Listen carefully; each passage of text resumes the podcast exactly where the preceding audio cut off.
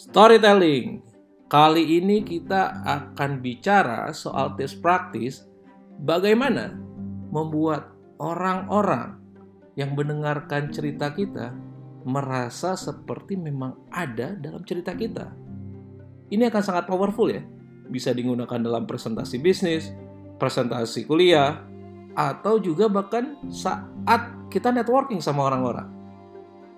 Ada beberapa elemen yang kalau kita masukkan ke dalam story kita, itu akan membuat ceritanya lebih hidup. Nah, kita mulai ya. Elemen yang pertama adalah deskripsi waktu. Deskripsi waktu ini harus spesifik. Contoh nih, waktu siang jam 12, panas.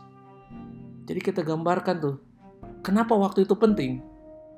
Itu adalah titik awal kita membawa audiens langsung masuk ke dalam cerita kita. Sehingga kalau kita sampaikan secara spesifik, mereka langsung bayangkan, oh iya ya, jam 12 siang itu panas. Oh iya ya, jam 9 malam itu dingin. Atau tengah malam itu sepi. Nah setelah elemen waktu, elemen lokasi, gambarkan situasinya. Seperti apa? Misal nih, di restoran yang padat atau di mall yang penuh sesak atau di kuburan yang sepi. Kita gambarkan. Nah, elemen yang ketiga ini sangat penting.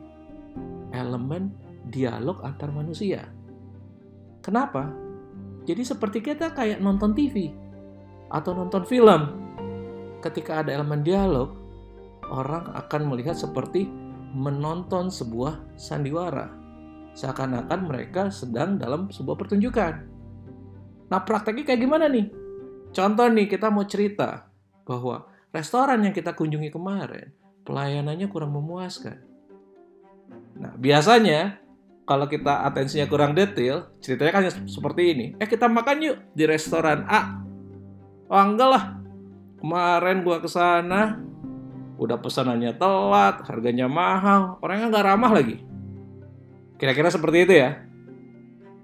Nah, coba kita sekarang praktekkan menggunakan elemen-elemen yang tiga tadi ya, sehingga ceritanya lebih hidup. Ayo kita ke restoran, ayo.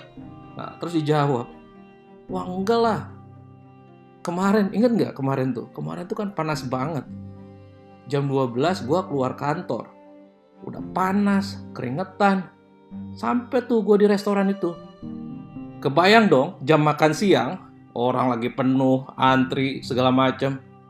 Terus gue bilang, gue pengen duduk, ya kan? Gue pengen duduk. Terus gue bilang dong sama orangnya, Mas, ada tempat duduk nggak? Padahal gue lihat tuh ada tempat duduk kosong. Eh si masnya tanpa ngeliat bilang, penuh-penuh, nanti aja.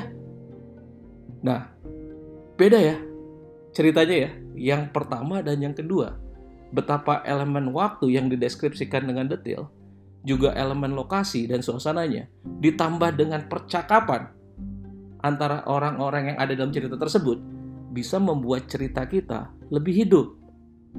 Silakan dicoba ya, baik itu saat presentasi ide, presentasi soal cerita hidup, dan kasih tahu hasilnya seperti apa.